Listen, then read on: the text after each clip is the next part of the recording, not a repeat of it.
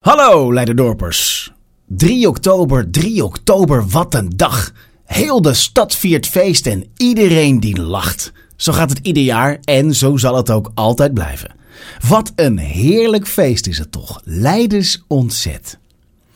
Twaalf jaar lang heb ik als presentator en programmamaker de festiviteiten mogen verslaan voor tv en radio.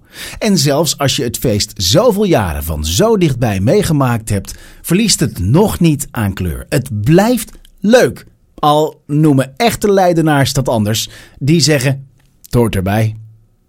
Mijn insteek tijdens de programma's die ik maakte over het ontzet was altijd dat ik iedereen die het niet kende er fan van wilde maken.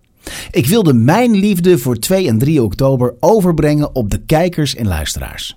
In 2015 maakte ik mijn laatste tv-verslag van het feest en toch stopte mijn zendingsdrang daarmee niet. Mijn vrouw en ik hebben er vervolgens namelijk alles aan gedaan om ook onze kinderen de liefde voor het feest bij te brengen.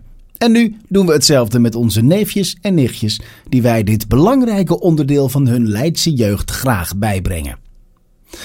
Maar bij de landelijke radiozenders hebben ze niet zoveel met leiders ontzet. Onbekend maakt onbemind, denk ik. Dus toch kon ik het niet laten om deze editie een van mijn collega's naar Leiden te sturen en het hele ochtendprogramma op 3 oktober te laten doorlopen. En wat denk je? Ondanks dat ze om 4 uur ochtends op moest om vanuit Woerden naar Leiden te rijden. Ondanks dat ze niet van haring houdt. Ondanks dat haar zangstem de reveille niet heeft overleefd mag ik met gepaste trots melden dat we er weer een fan van het ontzet bij hebben. Dat enthousiasme wist ze ook goed over te brengen op de radio. En zo hoop ik dat toch weer meer Nederlanders begin oktober wat vaker zullen denken aan dat kleine stadje onder de rook van Den Haag. Waar het volk vrolijk en gastvrij is. Waar het feest wordt gevierd op de markt en de gracht. Daar waar koorballen en glibbers versmelten en je samen op de reveille wacht om Jochem Meijer te citeren.